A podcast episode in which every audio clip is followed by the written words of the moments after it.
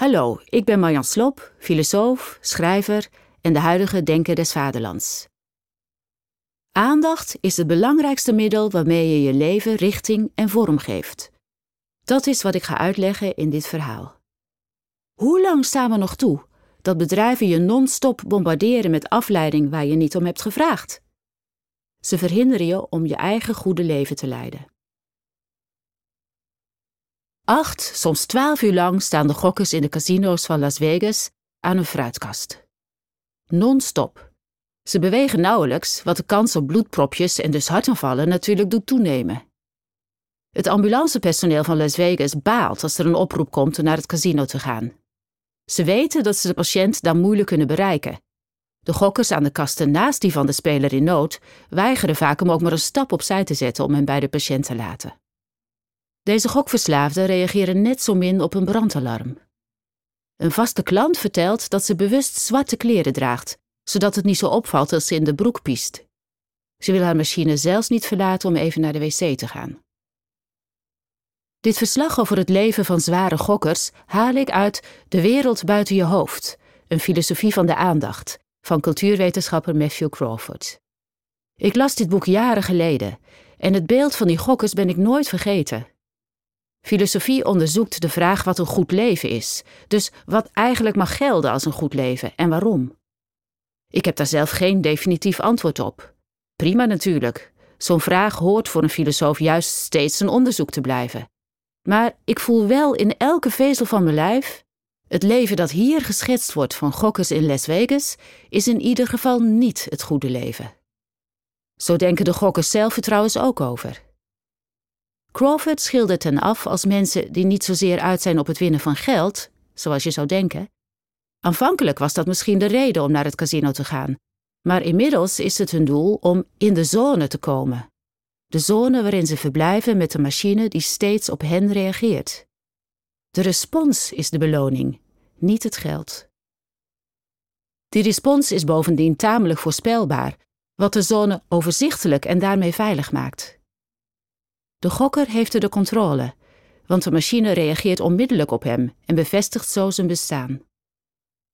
Routineuze gokkers weten best dat ze uiteindelijk geld gaan verliezen. Maar het gaat erom dat er een voorspelbare wisselwerking is tussen hen en de machine. Ze betreden een beschutte wereld waarin de machine luistert en hen omhelst. Ik denk dat dit helle beeld van de verstokte gokkers van Las Vegas zo bij mij is blijven plakken, omdat het een extreem ingekookte versie is van een ervaring die we allemaal kennen: smartphoneverslaving. Ik vind mezelf geen heavy user, maar ook ik merk dat die telefoon trekt. Ongemerkt is erin geslopen dat ik ook s'avonds meerdere malen nog even check of er nieuwe berichtjes zijn, terwijl ik eigenlijk verlang naar kalmte. Tuurlijk, ik ben het die die telefoon oppakt, maar de impuls is moeilijk te weerstaan.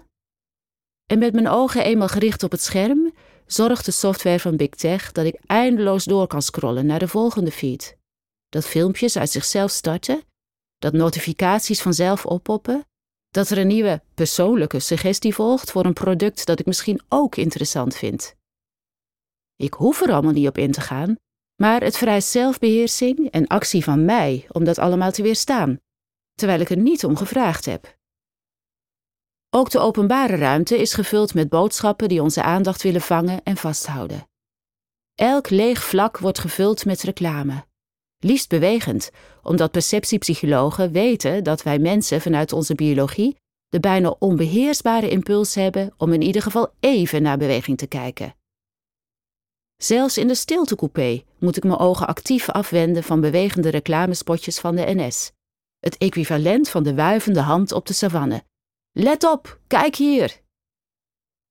Hartstikke handig natuurlijk dat we een in onze biologie verankerd systeem hebben om door de bezigheden van een ander heen te breken. Zo kunnen we een groepsgenoot wijzen op iets acuuts en belangrijks.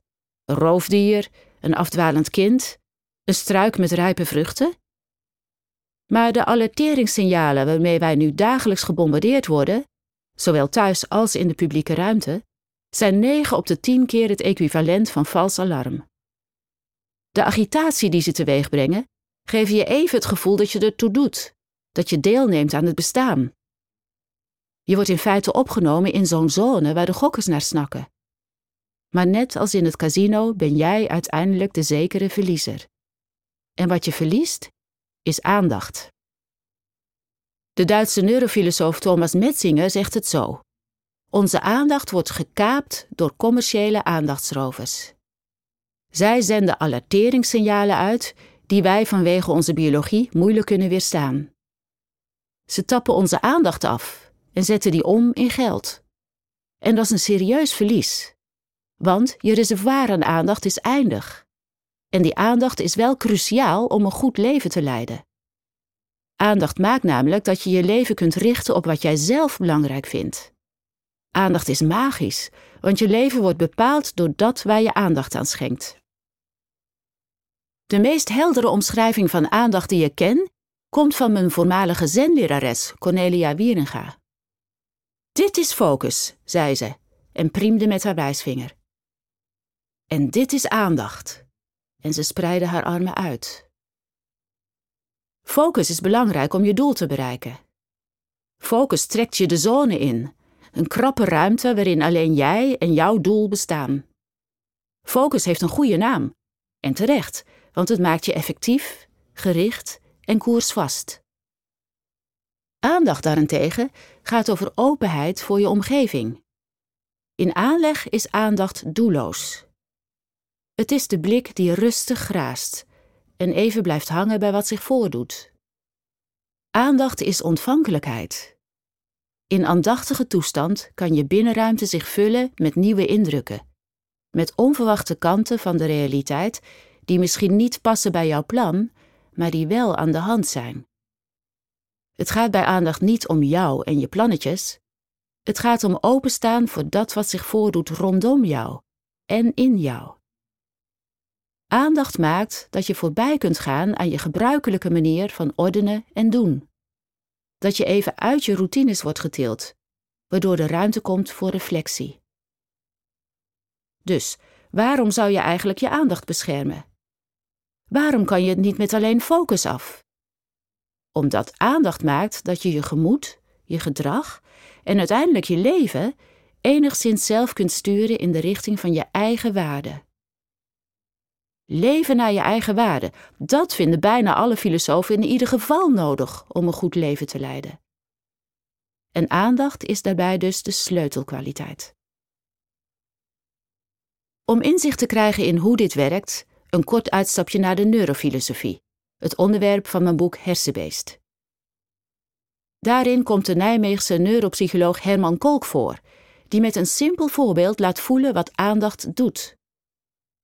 Kolk vertelt over een experiment in de sociale psychologie, waarin proefpersonen worden blootgesteld aan een serie plaatjes van bejaarden. Wat blijkt? Na zo'n diashow gaan de proefpersonen vanzelf een tijd lang trager lopen alsof ze zich willen voegen naar de mensen naar wie ze hebben gekeken. Het experiment zegt daarmee iets over hoe wij ons in het algemeen afstemmen op onze omgeving en hoe we ons laten beïnvloeden door dat wat we aannemen over de mensen om ons heen. Dit effect bestaat en het is statistisch significant. Maar er zijn altijd uitzonderingen. Het kan best zijn, vertelde Kolk mij, dat een proefpersoon die braaf naar de plaatjes heeft gekeken, na afloop van het experiment niettemin op een holletje naar haar vriend snelt, die bij de uitgang op haar staat te wachten. Ze heeft op dat moment een persoonlijk belang. En die impuls is vele malen sterker dan de algemene impuls die van de bejaardenplaatjes uitgaat.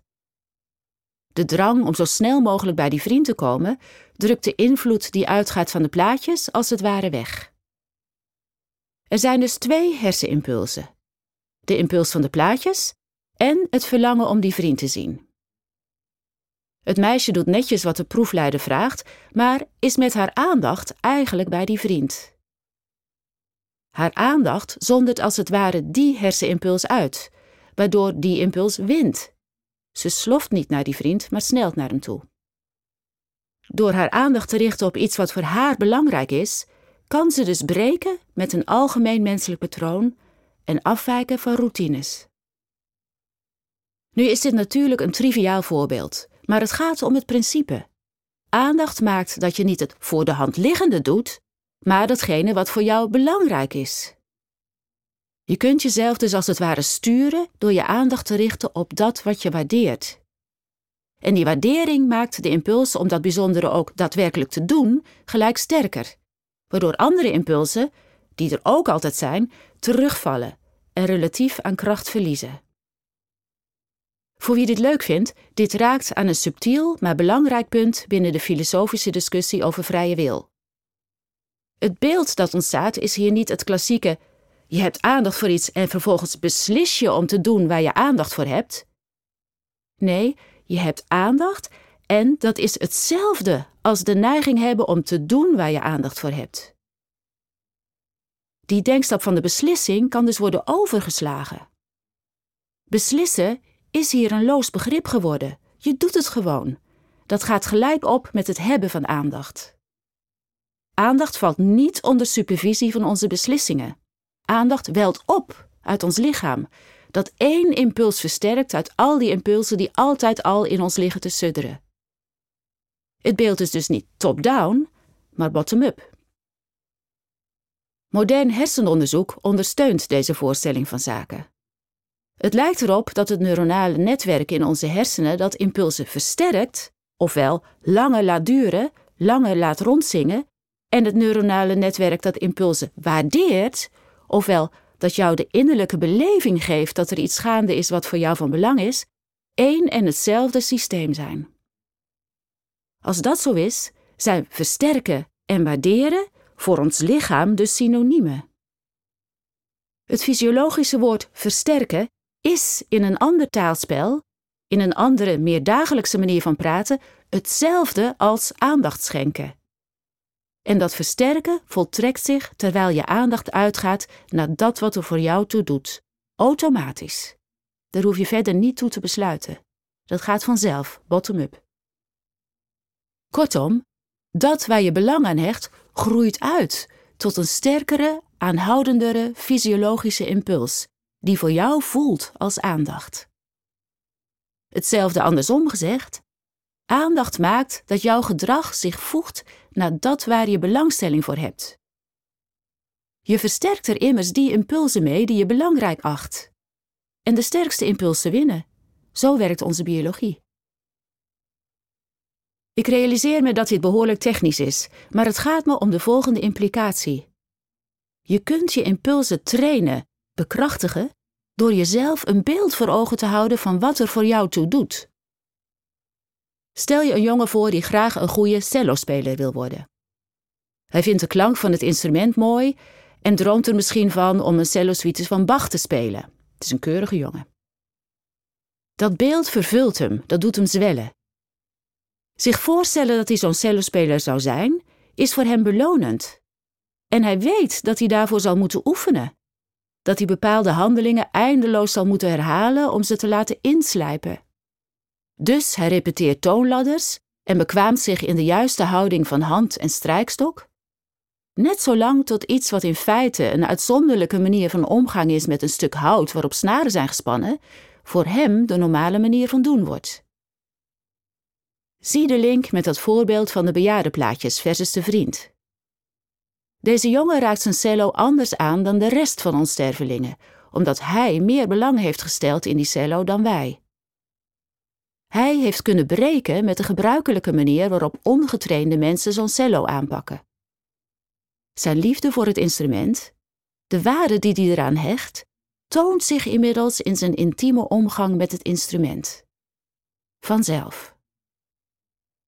En dit voorbeeld van de cello voegt nog iets toe, namelijk het element tijd. Deze jongen heeft veel moeten oefenen om een mooie klank uit zijn instrument te kunnen halen. Denk aan die eindeloze toonladders. En, belangrijker nog, denk aan alle andere impulsen die hij heeft moeten weerstaan. Vaak genoeg zou hij misschien graag hebben gegamed of gemountainbiked of gelummeld met vrienden, maar hij weerstond die impulsen omdat hij dat beeld van die cellospeler voor ogen had en omdat dit beeld voor hem meestal motiverender was en dus vaak genoeg won. In een ander, minder verwetenschappelijk taalspel zou je zeggen: Deze jongen kan nu goed cello spelen omdat hij zich heeft gewijd aan wat hem voor ogen stond. En gaandeweg is die toewijding zijn leven gaan kleuren. Totdat het niet eens meer als een wilse inspanning voelt. Door bewust te werken aan het vormen van een gewoonte, heeft hij een soort tweede natuur voor zichzelf geïnstalleerd. Inmiddels hoeft hij zichzelf niet meer te motiveren met dat beeld van zichzelf als cellospeler. Hij verlangt naar de cello zelf. Je ziet het aan mensen als hun waarden in hun lichaam zijn gedaald. Kijk hoe een ervaren kok een uitsnijdt. Trefzeker, snel, bijna automatisch. De waarde die zo'n kok aan het bereiden van eten hecht, toont zich in zijn gedrag. Een andere omgang met die ui is niet meer aan de orde. In een frase van filosoof Simone Weil: Hij is zo aandachtig dat hij geen keuze meer heeft. Een uitsnijden is zo vanzelfsprekend geworden dat hij er zelf niet meer bij nadenkt, terwijl het tegelijkertijd juist helemaal laat zien waar hij voor staat en wat hij belangrijk vindt. Hetzelfde geldt voor het zorgzame gebaar van een verpleger, voor het teloopse potje over van de schaatser en eigenlijk ook voor mij, als ik s'morgens op de bank met een dekentje over mijn voeten in een lekker stevig filosofieboek zit te lezen. Het oppakken van zo'n boek is onderdeel geworden van mijn leven. En om nu een link te leggen met die zoektocht van filosofen naar wat een leven goed en de moeite waard maakt, je kunt niet alleen toonladders oefenen, je kunt ook expliciet waarde oefenen. Laat ik het weer bij mezelf houden. Van mezelf ben ik nogal knieperig en zuinig. Mijn neiging is om op te potten in plaats van uit te geven. Ik geef niet zo makkelijk, terwijl ik gulheid juist een mooie en bewonderenswaardige deugd vind. Ik waardeer gulheid, ik hecht er belang aan. Wanneer ik in een situatie kom waarbij gulheid aan de orde is, bijvoorbeeld als ik op straat een bedelaar zie, is mijn eerste impuls nog steeds een soort samenknijpen. Nee, hier ga ik aan voorbij. Maar omdat mijn waardering van de deugd gulheid ook ergens in mij rondzoomt, aarzel ik wel even. Er is een tegenkracht. Belangrijker misschien nog, ik analyseer en begrijp mijn wereldje op dat moment mede in het licht van gulheid, als een situatie waarin gulheid in het geding is. Had ik gulheid geen belangrijke deugd gevonden, dan was ik gedachteloos langs die bedelaar gelopen. Maar nu zie ik het als een situatie waarin gulheid aan de orde is en waarin ik gulheid eventueel zou kunnen oefenen. Door aandacht te schenken aan die voor mij belangrijke waarden, creëer ik dus een situatie waarin ik mijn basale impulsen kan overroelen. Hé hey Jan, hier is scheef aan de orde en dat zou je best kunnen doen. Waarom eigenlijk niet? Ik ben in dialoog met mezelf en bekrachtig daarmee die hersenimpuls. Geleidelijk ben ik in mijn leven ietsje pietje guller geworden.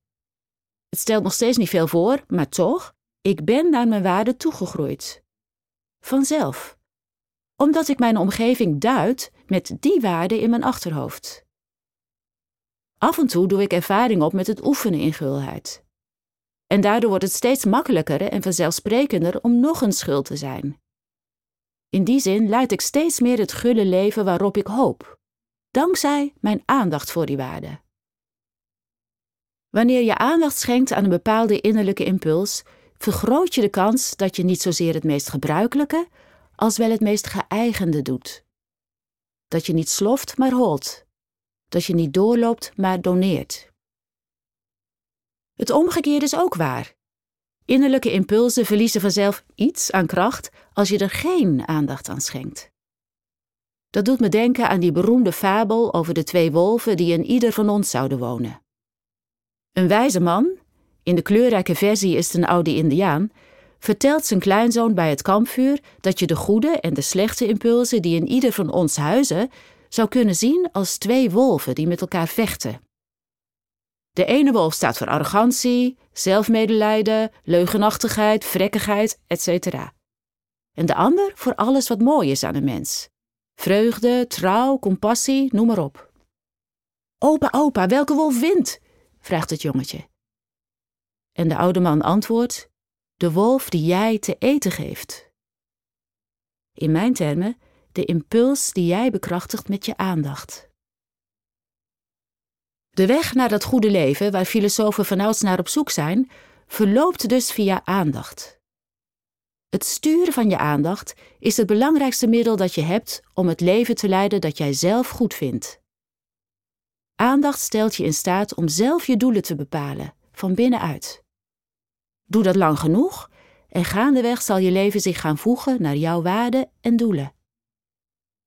Dit uitstapje naar de neurofilosofie maakt die eerdere constatering van Thomas Metzinger, namelijk dat onze aandacht wordt gekaapt door commerciële aandachtsrovers, des te schrijnender. Al die opdringerige beelden en geluiden werken op ons in als een alarm. Ze schreeuwen in feite: laat alles vallen waar je zelf mee bezig bent. Er is er iets belangrijks aan de hand. Dat is niet alleen irritant en afleidend, maar hindert je ook in jouw poging om je leven naar je eigen waarden in te richten, om te worden wie jij hoopt te zijn. Toewijding en een gestaag en langdurig beoefenen zijn cruciaal om iemand te worden, om uit te groeien tot iemand die voor iets staat. En daarin word je dus steeds gestoord. Ik snap eigenlijk niet dat we dit toestaan, wetende dat het voor mensen al moeilijk genoeg is om daadwerkelijk gehoor te geven aan de impulsen van hun betere ik. Ik wil niet al te alarmistisch doen, maar al die aandachttrekkerij die vanuit de buitenwereld op je afkomt, slaat bressen in het toch al best precaire vermogen om je leven naar eigen inzicht te boetseren naar je eigen waarde. Het opeisen van ruimte om je leven naar eigen inzicht vorm te geven, is dat niet het credo van het liberalisme? Zo bezien is het onbegrijpelijk dat een liberale partij die twintig jaar vrijwel aan één stuk door heeft geregeerd, geen paal en perk heeft gesteld aan de opkomst van aandachtsrovers, die precies dat liberale ideaal fnuiken. Ik zou van elke regering binnen een liberale democratie verwachten dat ze het beschermen van ieders individuele vermogen tot aandacht als een publieke taak zou zien. Het maatschappelijk debat over digitale technologieën gaat terecht vaak over privacy.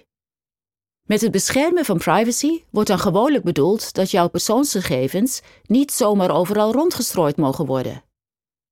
Dat is belangrijk, maar voor mij is privacy nog veel meer het recht hebben op een eigen binnenruimte, waar ik zelf kan uitzoeken en uitmaken wat voor mij belangrijk is, wat er voor mij toe doet. Daar groeit wat voor mij van waarde is. Als ik die ruimte kan inrichten zoals ik die mooi vind, en mezelf kan vormen naar mijn eigen waarden en opvattingen, en de tijd krijg om de bijbehorende impulsen te versterken, te bekrachtigen en te automatiseren, dan raak ik aan het goede leven in filosofische zin. En precies dat komt in de verdrukking. Reclame is natuurlijk van alle tijden, maar inmiddels dringt die via tv, pc, tablet en smartphone ook onze privéruimte binnen waardoor je nog vaker en bovendien op je eigen plek wordt bestookt met de belangen van anderen. Er komt een bombardement van afleiding op je af, dat jouw primaire neigingen en verlangens exploiteert ten behoeve van God weet welke aandeelhouders. En jij moet daar braaf en verstandig bij blijven. Jij moet je beheersen. Het enige dat het beleid er tegenover zet, is een compleet oppervlakkige kreet. Mensen kiezen hier zelf voor. Het is om woedend van te worden, zo liefdeloos, zo dom, zo weinig zorgzaam. Waarom staan we deze inbraken toe van bedrijven die niet gericht zijn op het goede leven, maar op winst? Zout voedsel krijgt een label ongezond? Toxische stoffen zijn ronduit verboden. Ik vind dat er regels moeten komen die ons reservoir aan aandacht beschermen. Ik wil mijn aandacht zoveel mogelijk kunnen inzetten wanneer en zoals ik dat zelf goed vind want ik wil een goed leven naar eigen inzicht. Dit verhaal heb je gratis kunnen luisteren, net als honderden andere audioverhalen van het afgelopen jaar. Maar het maken van dit soort verhalen is niet gratis. Ze worden mogelijk gemaakt door onze betalende leden. Ga daarom naar decorrespondent.nl en word lid. Want onafhankelijke journalistiek is afhankelijk van jou.